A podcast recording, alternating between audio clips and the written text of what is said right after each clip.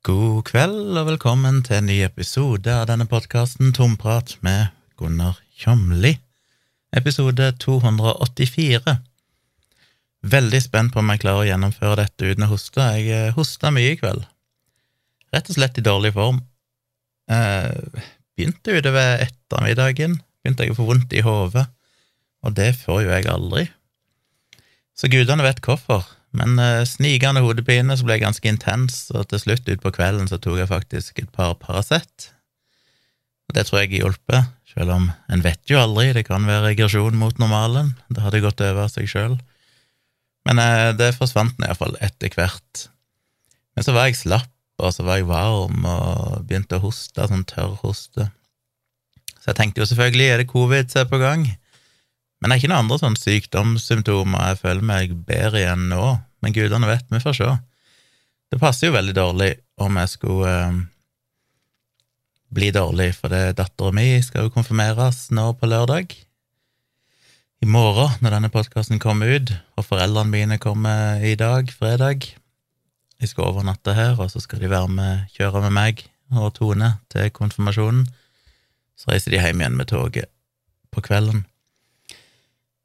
Men uh, det hadde passa dårlig, at jeg endelig skulle få covid akkurat når uh, det er konfirmasjon for dattera mi. Teknisk sett så må jeg jo ikke, ifølge nye regler, så må jeg jo ikke holde meg vekke.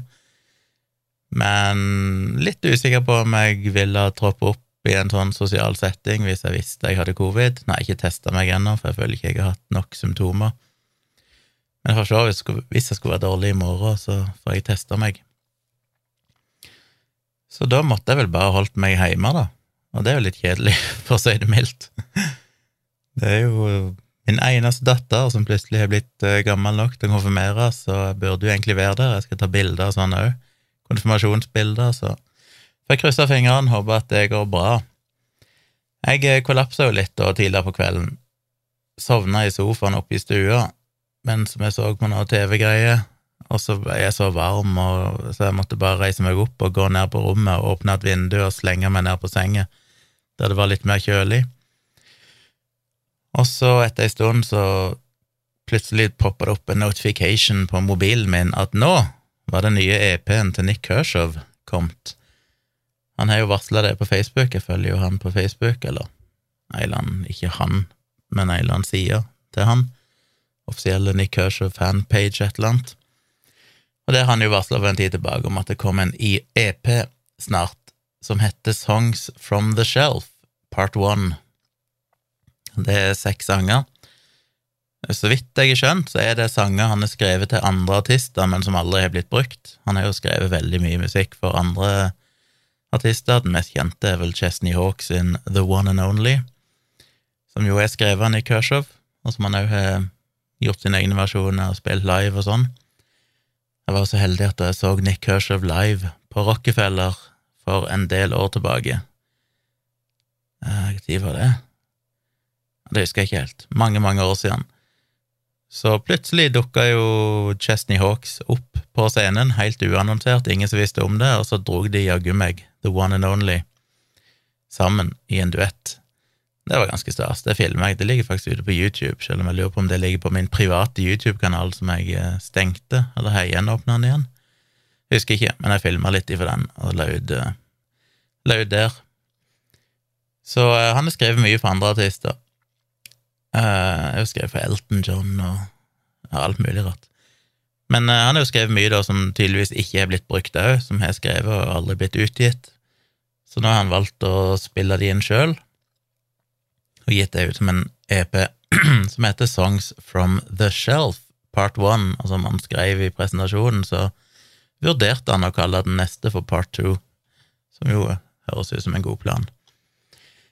Så det kommer flere sånne EP-er da, med uutgitt eh, materiale, som vet ikke når han har skrevet disse sangene, men de er iallfall nyinnspilt nå.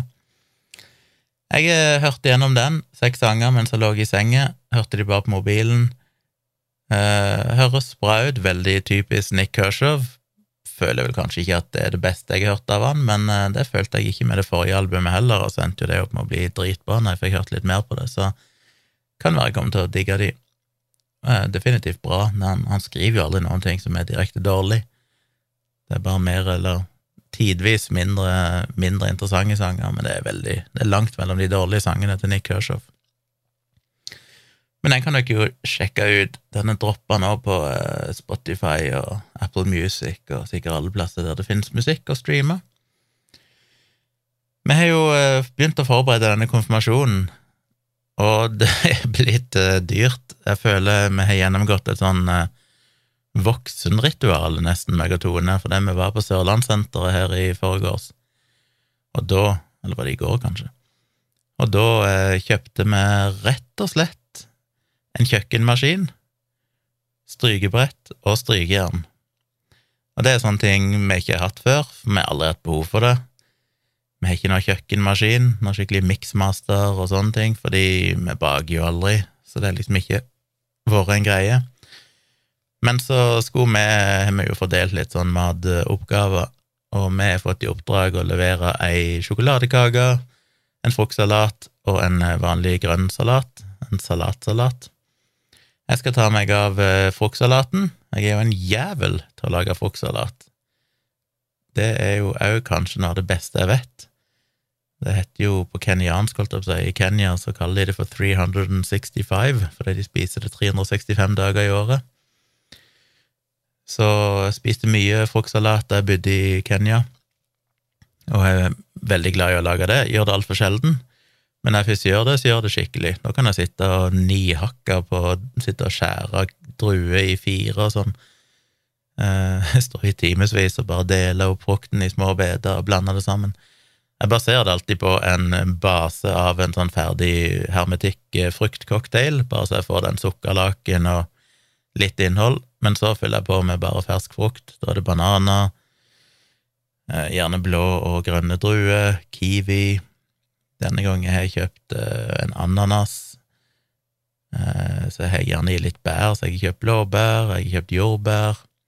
Mulig jeg skal drysse i litt rosiner for moro skyld. Eh, hvor mer er det? Nei, jeg husker ikke. Mye som jeg kutter opp. Det kommer litt an på hva jeg får tak på der og da. Og det blir som regel et stort volum. Enten så en jeg at dette blir en liten skål, og så ender jeg opp med sånn ti liter med fruktsalat. Men det må til, for det spiser jeg som regel opp. De gangene jeg serverer det på en eller annen selskap jeg har hatt, så ender jeg jo alltid opp med at det som blir igjen, blir stående i kjøleskapet, og så varer det egentlig ikke til neste dag, for så fort gjestene er gått, så grauser jeg i meg hele greia. Kan spise uendelig av fruktsalat, det er bare latterlig godt. Skal jo lage en grønn salat, så jeg har kjørt litt grønnsaker til det.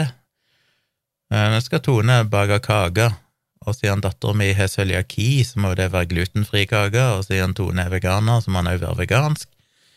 Så hun har funnet en eh, sånn bastardoppskrift, eh, litt, jeg tror det var tre forskjellige oppskrifter, jeg skal ta litt ifra og lage en vegansk eh, glutenfri sjokoladekake. En slags snickerskake, tror jeg det skal være. Men da trengte vi jo en miksmaster og litt av hvert, òg noe til å blende noe sviske og noe sånt som skulle oppi den røra til den sjokoladekaka. Så eh, da måtte vi kjøpe kjøkkenmaskin. Kjøpte ikke det dyreste som var, prøvde å finne noe relativt enkelt og billig, for det, vi kommer jo knapt til å bruke den. Men jeg fant den iallfall én. Det var jo Kenwood, tross alt, så det er vel et greit merke, men ikke akkurat den kraftigste, største modellen de har. Men det er en veldig grei maskin. Og så kjøpte vi strykejern og strykebrett, for det Tone måtte jo stryke litt eh, til bunaden sin. Det er jo sånn eh, Føler det bør finnes i ethvert hjem, men vi har aldri hatt behov for det, aldri kjøpt det før. Så jeg følte meg veldig voksen når vi gikk rett etter å handle de tingene der, og det ble jo ei dyr kake og en dyr konfirmasjon, for vi plutselig måtte kjøpe voksenting bare for å kunne gjennomføre denne konfirmasjonen. Men sånn er det. Kjekt å ha. Når jeg snakker nå, så høres stemmen min veldig rar ut, og grunnen til det er at jeg har fått rensa ørene mine, yay! Skal, skal ikke snakke mye om ørevoks i dag, jeg skal spare dere for det, dere fikk vel nok av det i forrige episode. Men jeg var hos legen og fikk skylt ut ørene, og det funka bra. Og det er fascinerende når jeg gjør det, for når jeg kommer ut igjen da, så hører jeg frekvenser som jeg ikke har hørt på en stund, eller iallfall som har vært dempa, da. Så sånn, eh, Hadde du målt en sånn frekvenskurve, spekter, av hørselen min før og etter, så hadde den sett ganske annerledes ut før jeg fjerna ørevoks, ifra etter jeg fjerna ørevoksen. Så nå, når jeg snakker nå, så hører stemmen min veldig Det er veldig mye i den øvre mellomtonen, tipper en sånn eh, rundt en 1000 kilohertz, så hø hører jeg mye. Nei, jo. Og eh, Nei, 1000 kilohertz? 1000 hertz? 1 kilohertz. Og eh, ja, det høres bare rart ut. Når jeg kom ut derifra, og så måtte jeg liksom gjøre litt sånn tsk, tsk, med munnen min bare for å høre. Så sånn shit, oi, det var skarp lyd. og det er ikke gått over ennå. Jeg tror jeg skulle venne meg til det ganske fort, men jeg føler fortsatt at stemmen min er, er rar. Det merker ikke dere. Men anbefales å få rensa ørene sine i ny og ne hvis du sliter med det. Så det var godt å få det gjort. Tone har jo òg vært Hun har jo sluppet en ny podkastepisode i dag. Nerve, som hennes podkast heter. Sjekk ut den hvis ikke dere har hørt. Hun slipper ikke episoder fast, men litt sånn i ny og ne. Og det kom egentlig ikke lenge siden, og nå kom den ny igjen. Og jeg har ikke hørt den ennå, men jeg tipper det er inspirert av at hun har vært til psykolog igjen i dag, og en eh, ja, noe sånn arbeidsveiledning, eller hva heter det? En veileder fra Nav som skal hjelpe litt med de prosessene med å finne et eller annet tilpassa arbeid. Og da jeg møtte henne i dag etter at jeg hadde vært der, så var hun litt sånn eh, Ja, det var ganske eh, oppjaga på en positiv måte. Jeg har ikke hørt podkasten, jeg har bare hørt henne fortelle meg litt, men det virker jo som at det er veldig bra klaff med den psykologen og hun dama fra Nav. Jeg tror hun er fra Nav, det er fordi det er systemet. Ja, dere får høre podkasten, jeg burde ha hørt den jeg òg før jeg snakket, for å få med meg detaljene, men poenget er iallfall at uh, det har vært en opptur å komme til Vennesla med tanke på akkurat det. Og hva som jeg sa til henne, at uh, uansett hva vi måtte føle om å bo her, og om hun savner Oslo og alt mulig sånn, så tror jeg det var verdt det. For å Ja, bare fordi at de prosessene har skjedd så mye raskere og bedre enn det de gjorde i alle, alle de årene hun har vært i det Nav-systemet i Oslo. Eh, ting skjer fort der. Jeg føler det er blitt veldig tilrettelagt. Det er liksom sånn smekk, smekk, smekk, så har jeg jo plutselig fått uh, flere kontaktpersoner og kan snakke med, og tilbud og kan oppsøke, og hjelpe med det ene og det andre. Og ikke minst fått informasjon som hun aldri har fått før når hun bodde i Oslo, som hun ikke visste om, som er helt relevant å vite i den prosessen. Og uh, det syns jeg er veldig positivt, og det tenker jeg jo er, ja, som jeg sa, om jeg så av og til føler at uh, ja, jeg skulle gjerne bodd i Oslo, jeg òg. Savner jo Oslo. Men eh, det er nok et større problem for Tone. Men det virker jo som at det, det var riktig valg å flytte litt på seg, rett og slett fordi vi vært så heldige at det tydeligvis var et bra system her med oppfølging, som hun har fått mye ut av. Og det minner meg jo litt om en av grunnene til at vi flytta. Jeg snakket jo ganske mye om dette i noen podkaster her eh, i høst, rundt flyttinga. Det var jo primært fordi jeg skulle komme nærmere dattera mi. Hun kom til en alder der jeg følte jeg måtte Hun ikke var så keen på å komme til Oslo lenger, sånn som hun gjorde jevnlig før. Og da måtte jeg flytte nærmere henne for å følge litt med på hva som skjer i livet hennes. Men i tillegg så var det jo litt det med at Sikkert litt prega av covid òg, eh, men det føltes som at ting hadde stått veldig standstill i Oslo lenge. Jeg hadde jo en periode etter jeg flytta til Oslo der mye skjedde, bloggen min ble populær, jeg begynte å ut et par bøker, mye foredrag, eh, var mye i media og sånne ting. Det skjedde mye. Jeg følte det definitivt var en boost for alt det jeg interesserer meg for. Men så de siste årene så er det roa seg litt. Det var liksom dialogisk podkast, og så var det min egen podkast, men ellers så skjedde det ikke sånn supermye. Følte ting hadde roa seg litt. Mindre foredrag og mindre henvendelser fra media. Så ting eh, Det skjedde liksom ikke så mye. Og jeg har jo en sånn brennende tro på at uh, hvis ting ikke skjer, så må du gjøre et eller annet. Og det er ikke alltid du sjøl vet hva du kan gjøre. Jeg mener, Hvis jeg visste hva jeg skulle gjøre, så hadde jeg gjort det. Hvis det var sånn, ja, du må bare sende mail til den personen, eller snakke med han, eller ta et møte med henne. Men eh, det vet jeg jo ikke. Det er litt sånn ok, nå vet jeg ikke helt hva jeg, skal, hva jeg skal gjøre. Men da er det av og til lurt å bare røske opp rødene, gjøre en dramatisk forandring i livet, og så la tilfeldighetene rå litt. Og det funka for meg tidligere. Jeg har tatt noen valg der det er bare sånn ok, nå vet jeg ikke helt hva jeg bier meg ut på, jeg brenner noen bruer, holdt jeg på å si, prøver noe helt nytt, og så åpnes det dører som du aldri hadde visst fantes engang. Og ja, det er jo en klisjé, men det er veldig mye sant i det. Og det var jo det meg og Tone snakket om når vi vurderte om vi skulle flytte til ja, Opprinnelig var det jo Kristiansand vi skulle flytte til, da, selv om vi endte opp i Vennesla.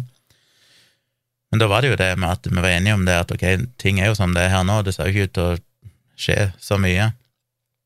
Jeg vet ikke om ting blir verken bedre eller verre hvis vi bare er her, men jeg er jo litt gira på at det skal være en slags progresjon i livet mitt, at det skal skje ting, jeg skal eh, ja, begynne med nye ting. Det var jo foto på det tidspunktet som jeg virkelig brant for, og hadde lyst til å utvikle det mer. Så vi tenkte at ja, det er verdt et forsøk. Vi ser noen dører som åpner seg i Vennesla. Foreløpig er det ikke skjedd sånn supermye på, på min front, anten at jeg har fått uh, mye mer muligheter til å rigge opp et uh, pro YouTube-studio og sånne ting, så det er jeg veldig fornøyd med. Men det med at uh, ting skulle være så bra her i, i Nav-systemet og helsevesenet og sånn, med tanke på Tone, har jo virkelig vært en sånn en sånn greie, da.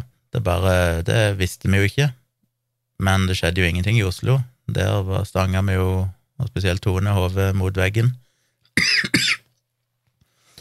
Men så har det bedra seg her, så det gjør meg veldig glad.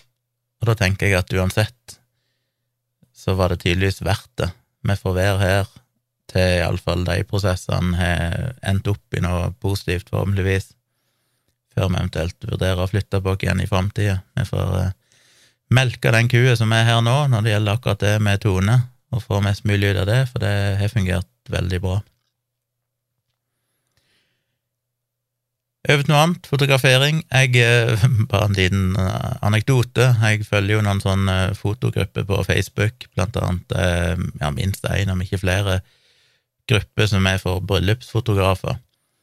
Deltar jeg egentlig ikke noe aktivt, er bare for opp noen poster i feeden i ny og ne. Men det dukket opp en post her for noen dager siden med ei som driver et eller annet bryllupsfotograferingsfirma. Jeg vet ikke om hun er aleine, eller om hun er flere, jeg tror kanskje hun er aleine. Hun har liksom et eget selskap som ser ut til å spesialisere seg på bryllupsfoto og litt sånn familiefoto og parbilder, forlovelsesbilder, litt sånn, men det er liksom den sjangeren. Men hun hadde fått så mye henvendelser fordi at hun trengte rett og slett å leie inn en fotograf som kunne ta noen av oppdragene for henne under hennes firmanavn.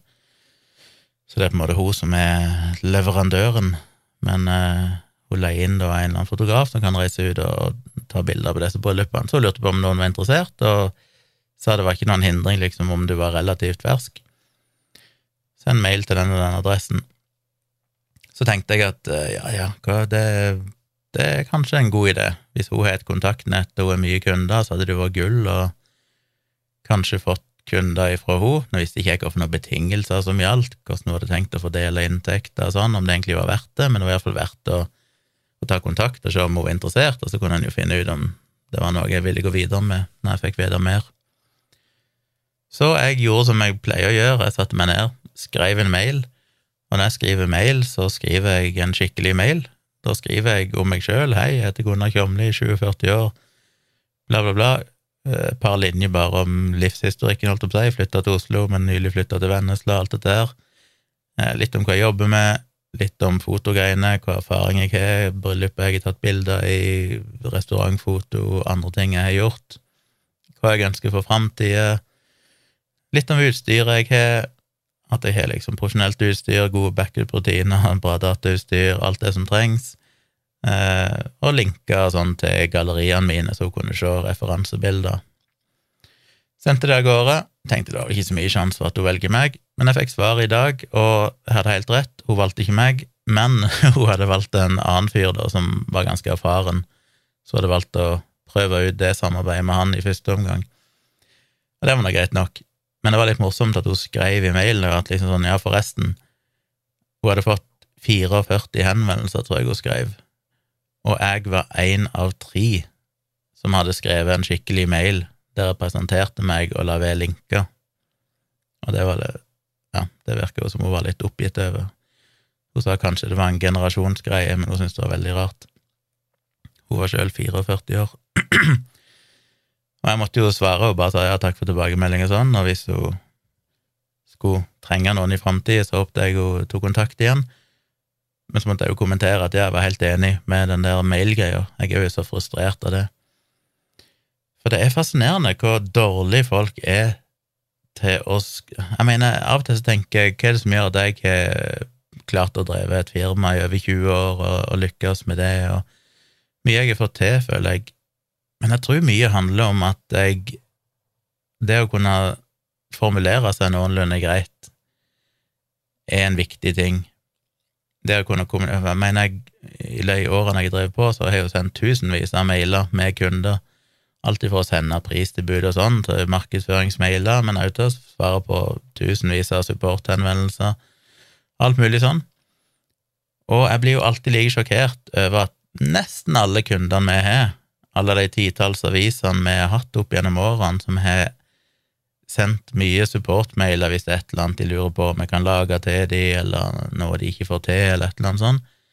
Hvor mange av de som ikke er i stand til å formulere seg i en mail, og da mener jeg rett og slett at de ser ut til å tro at de tankene som de sjøl har i hodet, de er jeg klar over. Jeg kan lese tankene deres. Så de kan jo finne på å skrive bare et eller annet med at uh, 'nå virker ikke Eller 'nå virker ikke et eller annet bilder'. Og så er det sånn Ok, hva, hvordan skal jeg forholde meg til det? Jeg vet jo ingenting om hva vedkommende mener. Er det det at ikke du får redigert et bilde inn i, i webdesken? Er det det at ikke du får lasta opp bildet? Får du en feilmelding? får du lasta opp bildet, men det vises ikke i artikkelen, vises det på feil sted, beskjæres det feil?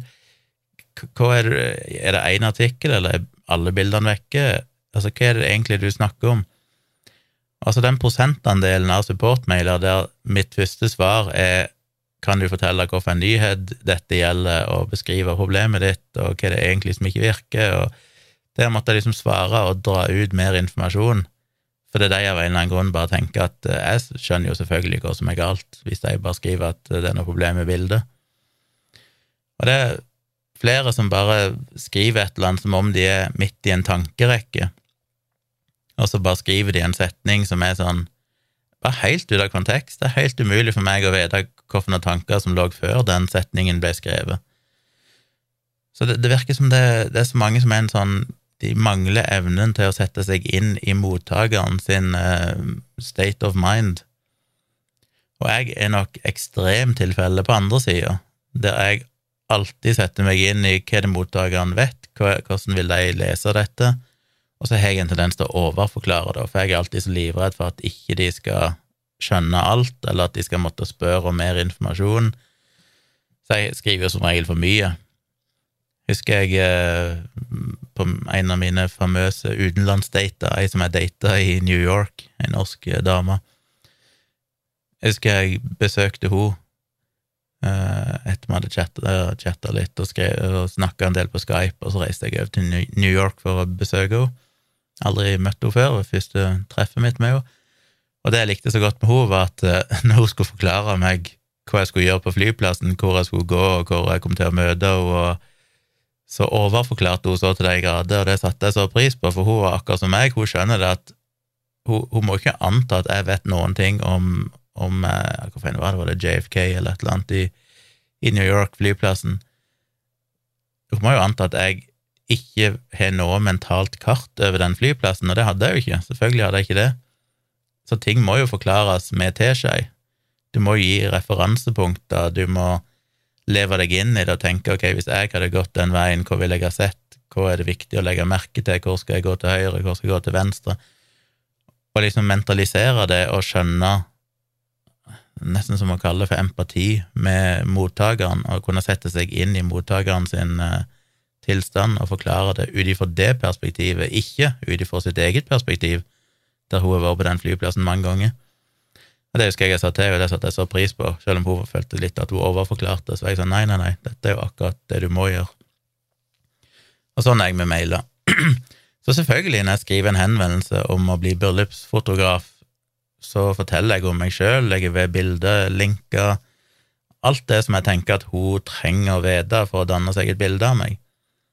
Men at det kun var da tre personer som i det hele tatt hadde gjort det, av over 40 stykk som hadde tatt kontakt, der også er liksom ekstremtilfellet var de som bare svarte i kommentarfeltet og sa 'ja, meg', og så var det ikke noe mer.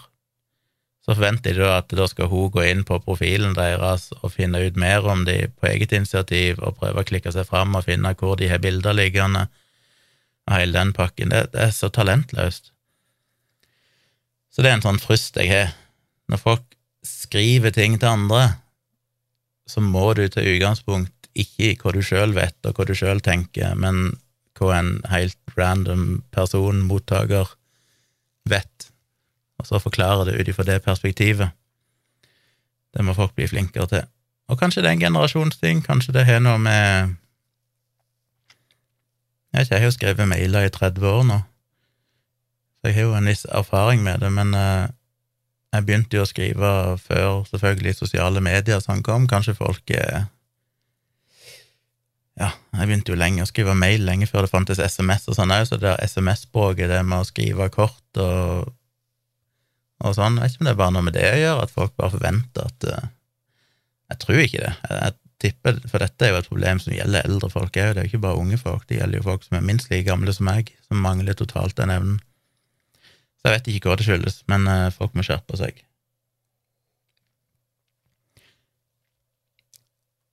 Så fikk jeg en mail ifra ei som jeg ikke skal nevne navnet på, for det ville kanskje ikke det, men hun henviser til en uh, artikkel som handler som, på NRK, som er tittelen 'Rekordmange ønsker om å bannlyse bøker i USA', der det har vært en stor økning i antall bøker som der er protester mot, og folk ønsker å få fjerna fra biblioteket og sånn. Og primært så gjelder jo det bøker med et eller annet eh, LGBTQ-innhold som skal vekk. Og hun skriver litt om det, at hun syns det er rart, og lurer på om det er det samme i Norge. Eh, og så viser hun til en artikkel som òg var på NRK tilbake i 2017, tror jeg, som handler om at eh, flere og flere reagerte negativt på naturlig nakenhet, som er basert på en uttalelse fra Iben Sandemose, som jo for øvrig er tanta til min første kjæreste. Så hun har jeg møtt noen ganger. Jeg har til og med et uh, Hvor har det blitt av? Har jeg mista det? Eller ligger det på, hos mine foreldre? Det gjør det kanskje. Husker jeg fikk et sånn vinglass som hun, hun la Hun er jo noen sånn rare figurer. Jeg vet ikke om dere har sett bøkene til Iben Sandemose, men det er jo en spesiell stil, med noen sånn tegneserie, barnebøker og sånn. Så jeg husker jeg fikk et sånn glass der hun hadde rissa inn i vinglasset en sånn figur, et originalt Iben Sandemose-glass, i den tida jeg var sammen med niesa hennes. Men iallfall, hun hadde gått ut og sagt at hun hadde ei bok som eh, ja, der det var et eller annet med noe, der hun tegna noen barn og voksne nakne, og det er jo sånn tegneseriefiguraktig, så det er jo ikke akkurat veldig grafisk. Men hun sa når hun reiste rundt og leste det for uh, unger på skole og sånn, så var det først i seinere tid at unger hadde begynt å si æsj når de så den tegningen av nakne mennesker. Og det gjorde de aldri før i tida. Hun har jo holdt på veldig lenge. Og så går han jo videre i artikkelen og snakker om dette med nakne barn på stranda og sånne ting. Hvordan det er blitt mindre og mindre aksept for det, og hvis noen kler av barnet sitt på stranda, så kan andre foreldre finne på å si ja, du må dekke til ungen din. Så hun lurer litt på hvorfor det er blitt sånn. Lurer litt på om det kan ha noe med seksuelle overgrep å gjøre. Hun sier at hun sjøl hadde den reaksjonen etter å ha blitt utsatt, utsatt, for overgrep som lite barn. Da gikk hun for å være eh, naturlig naken før det, men etter det så ble hun veldig sånn æsj og syntes nakenhet var fælt. Og det er jo selvfølgelig tragisk, og ikke så uvanlig, regner jeg med, at eh, en kan få den reaksjonen når eh, assosiasjoner med nakenhet og kropp blir knytta til noe traume. Men, eh, men ja. Så um, Bare lese hva hun skriver. Så det fikk meg til å tenke at det er jo veldig relevant nå, med dette utkastet som er blitt lekka fra amerikansk høyesterett, ved å så er ikke fjerna, men Eller er det det fjerna? Ja. Overstyra med en ny presedens eh, som skal ta over for Roe mot Wade fra 1973, som altså da handler om at eh, USA ikke lenger på føderalt nivå vil ha noen presedens for at eh, abort skal være lovlig, og at det nå går tilbake igjen til at statene sjøl kan bestemme det, og da er det jo en betydelig andel, flere titalls stater, som umiddelbart kommer til å enten forby abort helt eller begrense det veldig, hvis dette faktisk blir vedtatt i når var i august eller sånt, når det til slutt skal dette forslaget da skal stemmes over. Og det er det vel stor sannsynlighet for at det blir vedtatt, så det er jo et eh, fantastisk tilbakesteg i USA. Og det henger jo litt sammen med denne bokfjerninga, dette med at denne reaksjonen på LGBTQ-rettigheter, transpersoner, homofili Fordi i den uh, uttalelsen, eller det utkastet som han uh, dommer Alito, er det han heter, har skrevet, så er jo hele poenget at Roe v. Wade mener han jo er basert på dårlig juss. Husk på at dette er jo ikke en lov, dette er jo bare en rettslig presedens. De har jo aldri klart å få gjennom noen lov i Kongressen, aldri vært nok enighet om det. Så den kan jo fjernes, selv om det skal mye til, siden han har eksistert så lenge. Men nå mener de jo at det faktisk eh, Nå blir det sannsynligvis flertall for det, etter at eh, Trump, den gjøken, i løpet av sin presidentperiode klarte å få inn tre høyesterettsdommere som skapte et uh, godt republikansk, konservativt overvekt i Høyesterett. Så det er stor sannsynlighet for det, men han mener jo at det er basert på dårlig juss, og sier jo det samme om Lawrence versus Texas, som er en lov fra 2003, da de sa at det er ganske seint, da de konkluderte med at det å straffe sodomi, eller da egentlig homofil sex, var grunnlovsstridig, og viste da blant annet til Roe v. Wade, som jo er basert primært på dette var det, det 14. grunnlovstillegget, eller sånn, som handler om eh, retten til privatliv. Og ettersom da Alito mener at den tolkningen er dårlig, at det er svakt å knytte abortrettigheter til retten til privatliv, så mener han jo det samme om denne Lawrence mot Texas-dommen som eh, Eller avgjørelsen som kom i 2003, som òg egentlig er basert på samme argumentasjon, og visstnok òg Jeg vet ikke hvordan du uttaler det Obergefell, Obergefell, mot Hodges, som er en dom fra 2015, som igjen veldig seint, som konkluderte med at det var at uh, homofile hadde en fundamental rettighet til å, å gifte seg med hverandre. Eller folk av samme kjønn hadde rett til å gifte seg med hverandre. Så de kan jo nå falle, de òg, og det skal en ikke se på som usannsynlig. At både Lawrence v. Texas og Obergefell v. Hodges ender opp med å falle, ettersom de i stor grad er basert på den samme argumentasjonen, og Alito, som vil da fjerne Roe v. Wade, vil vel da Det er vel stor sannsynlighet for at de andre òg faller, så vidt jeg kan forstå. Det burde jo være logikken i det.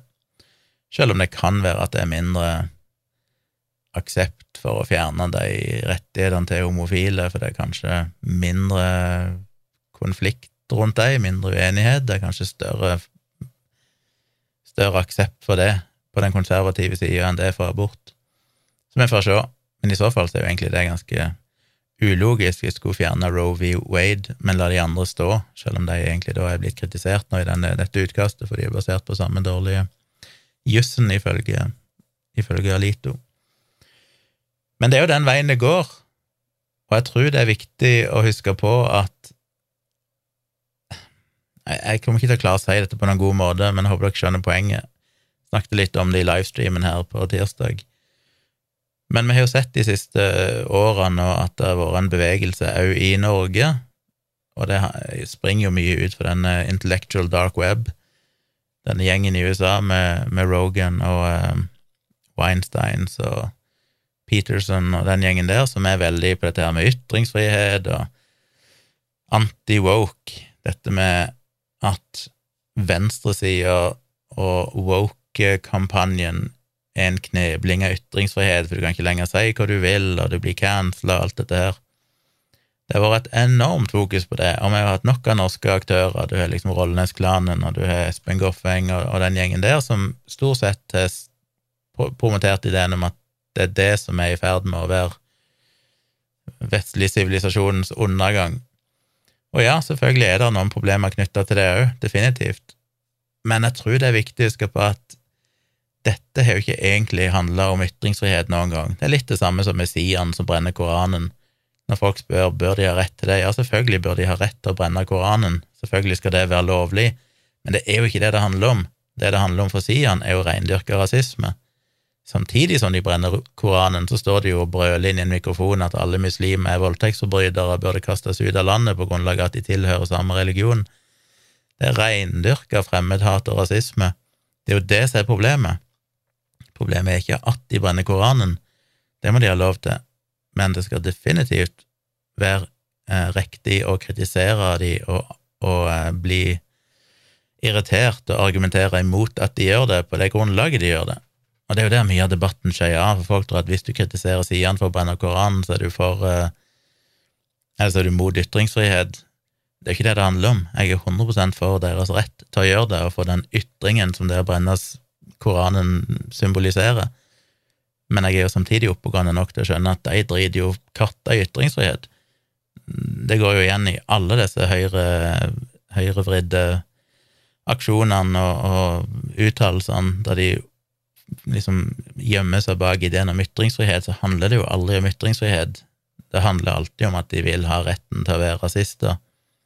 De vil eh, Det baserer seg jo alltid på reaksjonære ideer om at ting var bedre før, og at alt dette her med homofili og trans og til og med at kvinner skal få mye rettigheter og sånn, det er ting som egentlig ikke er så bra. Vi vil tilbake igjen til sånn det var før i tida. Det blir jo eksplisitt sagt av en del amerikanske politikere som tvitrer sånne idiotiske ting som at the founders, founding fathers got it right the first time. Så de mener altså at den opprinnelige grunnloven i USA var den riktige, og så glemmer de alle disse her grunnlovstilleggene, som blant annet er ja, som har gitt kvinner med rettigheter, som har gjort at uh, svarte amerikanere regnes som fullverdige hele mennesker, som de ikke gjorde før i tida. Betyr det virkelig at de vil ha vekk de tingene òg? Det er spesielt ironisk når det er kvinnelige politikere sier sånne ting, for de hadde sannsynligvis ikke kunnet være politikere hvis de virkelig mente at the founding fathers got it right the first time. Men det er jo et ganske tydelig symbol på at dette er noe de vil tilbake. Dette handler ikke om ytringsfrihet. Og det verste av alt er at det er jo begrensa hvor mye det egentlig handler om abort. Det har jo eh, vært en slags idé om at da Roe v. Wade eh, ble slått fast i, i 1973, så har det vært ekstrem kampanje mot det ifra den konservative sida, og da spesielt ifra evangeliske kristne, at det er den, den kristenkonservative sida som har protestert mot dette. Det er jo faktisk ikke riktig. Det var jo For det første var det jo et flertall av republikanske høyesterettsdommere som faktisk var, eh, stemte for Roe v. Wade, og de fleste republikanere var jo egentlig positive til det, inklusiv eh, kristenkonservative. Det er jo, Jeg skal lenke til en artikkel som tar for seg litt av den historikken, men dette var ikke noe kont stor kontrovers rundt det hos kristenkonservative. De var til og med enig i at dette burde være en fundamental rett.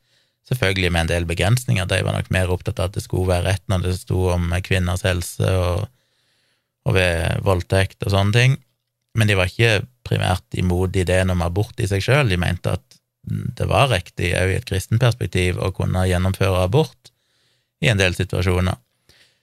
Eh, så det var egentlig ikke noe kontroversielt. Det som skjedde etter hvert, var jo at uh, du måtte egentlig to tiår tidligere, tilbake til 50-tallet, da Hva var det den uh, var det, det var Brown versus Board of Education det er rett og slett en uh, rasesegregeringa i amerikanske skoler ikke lenger ble gjort lovlig. Det ble vel vedtatt i 1954, men det vel, skulle vel egentlig ikke innføres overalt, det eh, skulle liksom gradvis endres. Jeg tror det var i 1969 eller sånn det skulle være innført overalt, men det var igjen da bare i offentlige skoler. Men så, et par år seinere, så begynte de å fjerne eh, skattefritaksregler for private skoler private religiøse skoler som fortsatt gjennomførte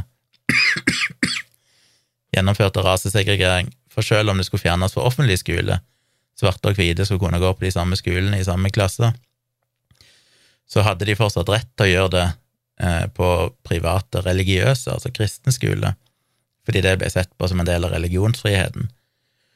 Men så begynte de å miste skattefordelene sine. Det ble liksom det som var en sånn sanksjon mot at private skoler skulle fortsette med den eh, tradisjonen. Og det ble et stort problem for de kristne konservative, fordi de kunne svelge aborten. Det var, sånn, det var ikke det store problemet men det var helt utenkelig for dem at svarte og hvite skulle kunne gå på de samme skolene, og nå snakker vi jo tross alt ikke om liksom førkrigstiden, nå snakker vi om slutten av 70-tallet, så var det fortsatt et stort problem for den kristne, konservative høyresida. Men de fant ut at det var nok en kamp de ikke kom til å vinne. Det var nok vanskelig å vinne fram på et rent rasistisk budskap, for det løpet, det toget, var nok godt i samfunnet det hadde gått framover, folk flest aksepterte det at svarte skulle ha samme rettigheter som hvite. Så heller enn å tviholde på det, så kasta de seg på abortsaken, og òg fordi de da ble, var mye lobbyvirksomhet fra eh, konservative republikanske politikere som da fant ut at hvis de fikk med seg denne kristne, evangeliske delen av befolkningen, så ville det gi de en stor boost i kampen mot abort. Så det var en sånn samrør der, da. Men det er litt interessant at uh, kristne konservative sider egentlig ikke var så veldig imot abort, men at de endte opp med å bli det rett og slett fordi at det var lettere å drive kampanjer imot, det var lettere å få gehør i befolkningen for det, enn å fortsette med å kjempe for et rasistisk budskap om at eh, deres private religiøse skole skulle bare være for hvite amerikanere. Ganske sjokkerende, ganske deprimerende, men uh, ja. Så jeg tror vi skal være klar over at denne kampen mot woke, mot transrettigheter og alt dette her, til syvende og sist handler om reaksjonært, en reaksjonær høyreside som vil tilbake, og de snakker ikke så mye om det. Eller egentlig sier de vel det, hvis du følger litt med. Men dette er jo tross alt folk som da ja, Det vil ikke overraske meg om eh, Det er nok definitivt krefter der som gjerne vil tilbake igjen til rasesegregering av skoler. Men at det starter at Dette er jo en slippery slope. Det starter med Roe v. Wade som forsvinner. Så må en jo se for seg at det, det er ikke utenkelig at homofiles rettigheter kan bli innskrenka. Nå vet ikke jeg ennå i hvilken grad transpersoner har fått, om det er noen høyesterettspresedens på det, foreløpig, eller lovverk, det husker jeg ikke helt, men i så fall så skulle jeg ikke overraske meg om det iallfall òg falt, da, i så fall. Um, og så kan en jo tenke seg da at en vil tilbake igjen til altså Flere av de politikerne har jo i nyere tid gått ut og sagt at de, det er jo privatskole de vil ha. De vil egentlig tilbake til å ha muligheten til å styre det de sjøl skal undervise til ungene sine. De vil ikke ha noe offentlig styring av det som skal eksistere i læreplanen i Utdanningsverket. Og da vil jo kreasjonisme komme inn igjen. Det er ikke noe tvil om at dette er jo en viktig kampsak for dem, å få inn kreasjonisme i skolen og kaste ut vitenskap og evolusjonslære, for det er jo noe av det verste de vet, og får de muligheten til det, så kommer de til å ta den veldig fort. Så dette er jo ganske problematisk, det å fjerne disse rettighetene, og det er viktig å huske på hva disse folkene egentlig vil, og det gjør meg så forbanna, med tanken på det fokuset enkelte norske samfunnsdebattanter har hatt på liksom cancel culture og hvor fælt det er med denne woke-bevegelsen, for det Det kan godt være de har noen legitime argumenter, men de er jo egentlig nikkedukker fra en ekstremhøyrebevegelse som vil ting som jeg tror verken Rollnes eller Espen Goffeng eller noen av de selvfølgelig vil. Jeg tror ikke noen av de er for noen form for rasesegregering, langt ifra. Eh, eller å fjerne homofiles rettigheter, langt ifra. Ingen av de støtter de tingene der. Men det er jo den kampen de egentlig forsvarer, når de har latt seg blende av intellectual dark web og alt det våse for Rogan og Peterson og co. Eh, som, de, de har ikke gjennomskuet at dette handler jo egentlig ikke om og nå mener jeg ikke at verken Rogan eller Peterson heller direkte vil fjerne verken homofiles rettigheter, sånn, de er jo progressive på alle områder sånn sett, men de er jo òg egentlig latt seg lure av den, den høyresidas eh, kamp for ytringsfrihet, som de kaller det, som jo egentlig handler om noe helt annet. Det handler jo egentlig om en reaksjonær bevegelse som vil fjerne rettigheter som, er, som amerikanerne har klart å tilkjempe seg de siste 70 årene. Så det er en farlig trend, og jeg blir bare mer og mer forbanna når jeg ser folk peke på, på liksom woke-bevegelsen som det som ødelegger verden, og ikke nevne det som skjer i USA med ett ord. Jeg mener alt det fokuset som har vært på at å, du kan ikke si de og de ordene lenger nå. Vel, for det første så handler det bare om sosial aksept, det handler ikke om faktiske lovverk. Eh, det er to helt forskjellige ting, men så, samtidig som de sitter og peker på det, så sier de ikke et ord om at høyresida nå har klart å fjerne et utall bøker, har klart å fjerne retten til å Eller de har gjort det straffbart for lærere i det hele tatt diskutere seksuell legning og kjønnsidentitet på skoler i Florida. Og hvis en hører noen av de der uttalelsene ifra alt ifra eh, Ben Shapiro til den gjengen der, der de helt genuint eh, sier at lærere som snakker om kjønnsidentitet eller om homofili eller driver noen form for seksualundervisning på barneskolenivå, er pedofile som bruker dette for å groome barn så de kan misbruke dem. Og det er jo òg en retorikk som er tatt rett ifra QAnon-narrativet. Igjen, vi har sett på QAnon-konspirasjoner som nå er veldig sært og obskurt, og det er crazy, men en sjokkerende stor prosentandel av den amerikanske befolkningen, da primært republikanere, som mener at det er nok noe i det i større eller mindre grad, men de har jo kjørt hardt på dette her antipedofili-narrativet, ikke sant, at Trump skal redde verden for disse pedofile Hollywood-folkene og, nei, og demokratene og, som misbruker barn i en kjeller under en pizzasjappe og sånn. Dette her pedofilinarrativet er jo det du alltid vinner på, for det er liksom den ene fellesnevneren som alle kan være enige om at det er fælt, ikke sant. Overgrep mot barn, det er alle imot. Eh, bør svarte ha samme rettigheter som hvite. En skulle jo tro det ville være på samme nivå, men nei da, der er det jo fortsatt noen som Det er ikke noe som fenger alle, akkurat det. Ikke alle som er helt enig i det, men alle kan være enige om at barn ikke skal voldtas. Så det, det å male fienden som pedofil er jo alltid effektivt. Da får du alle med deg. Og det narrativet som først var en sånn ekstrem QAnon-konspirasjon, har jo nå seget inn og blitt mainstream nå i konservative, i republikan, republikanske hos republikanske politikere som sitter på TV og sier det. Tucker Carlson og den gjengen der på Fox News sier jo dette rett ut.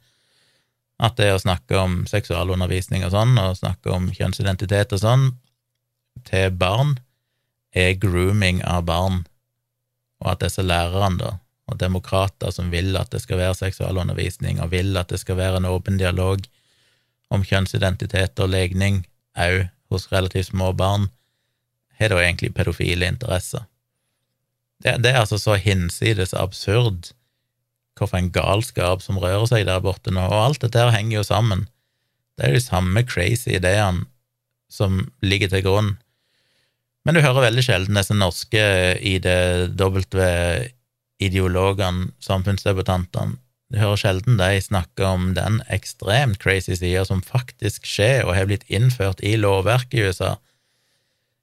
Eh, forbud mot et tonn med bøker som de mener er, er farlig for barn å lese fordi det handler om homofili eller et eller annet sånt. Det hører du aldri noen ting om. Problemet er tydeligvis da at uh, transpersoner skal kunne få lov å bestemme om de vil, hvilken kjønnspronomen de ønsker å bruke. Det er det som er undergangen i samfunnet. Ikke at det nå faktisk er sannsynlig ja, innenfor overskuelig framtid sikkert å bli kreasjonisme heller enn evolusjon i skoleverket i mange stater, og homofile mister rettighetene sine. Og... Nei, det, det, er bare deprimerende. Ja, det ble en liten rant uh, om det. Jeg skal legge ved noen linker, så dere kan uh, lese noe mer sammenhengende enn mine usammenhengende ranter om dette her, men jeg måtte bare lufte noen tanker om det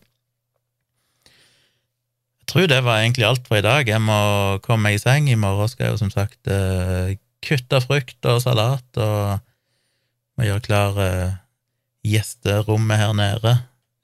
Fjerne en del utstyr og kasser jeg stående, sånn at mamma og pappa kan sove her på gjesterommet. De skal jo overnatte. Så skal jeg jo egentlig skrive en tale òg. Jeg kommer aldri til å skrive en tale. Jeg er så usikker på hva jeg skal gjøre i den konfirmasjonen. Om jeg bare skal wing it og bare si noen fine ord improvisert, eller om jeg skal lage en, eh, en presentasjon ut av det. Jeg har jo liksom en idé til hvordan jeg skal starte det. Det hadde vært litt gøy å starte presentasjonen med et klipp ifra når, når Steve Jobs introduserer iPhonen tilbake i 10. januar 2007, for det er samme datoen som dattera mi blir født. Det er jo det jeg alltid har sagt, at 10. Eh, januar 2007 skjedde de to viktigste tingene i livet mitt. iPhonen ble lansert, og dattera mi blir født. Det er vel de to tingene som har påvirka mitt liv mest i de årene som er gått, de 15 årene som er gått siden det.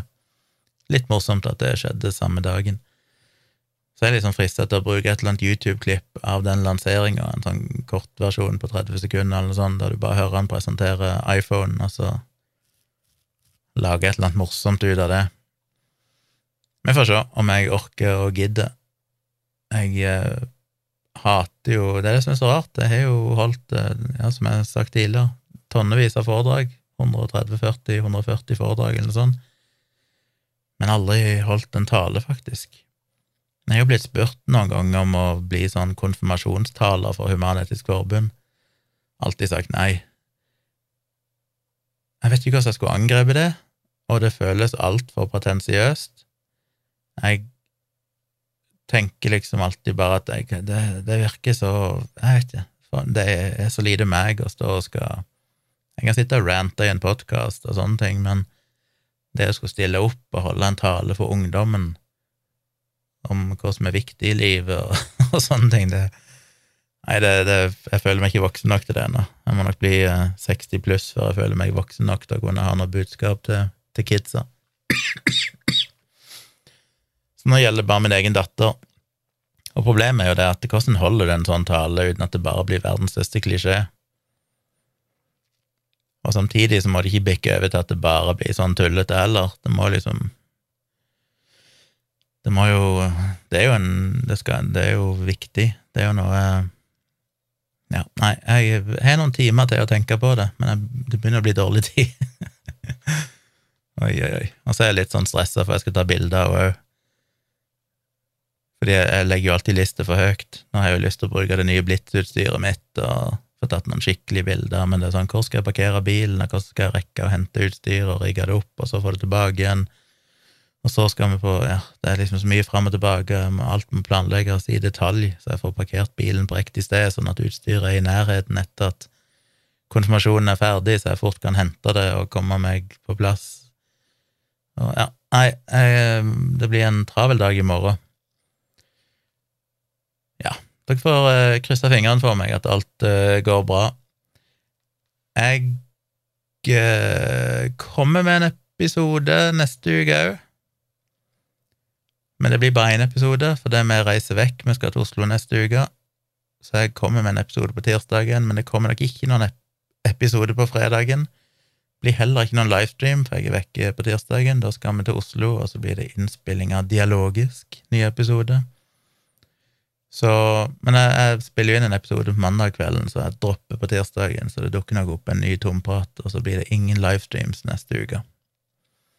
Uke etter det er det jaggu meg 17. mai. Hm. Ja. Um, ja, måtte jeg begynne å tenke her, men greit. Takk for at du hørte på. Send meg mail på tompratpodkast at gmail.com hvis du har tanker om det jeg har sagt tilbakemeldinger eller tips eller spørsmål til ting jeg kan snakke om i fremtidige episoder. Husk å svippe innom eh, patron.com slash tjomli hvis du har lyst til å støtte podkasten min og arbeidet mitt der, og der får du jo denne podkasten reklamefri og tidligere enn alle andre hvis du blir tjom i S eller mer.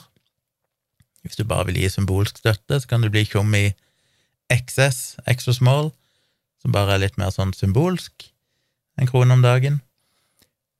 Det hadde jeg satt veldig, veldig stor pris på. Hvis ikke, så er du velkommen til å sitte og høre på podkasten med reklame og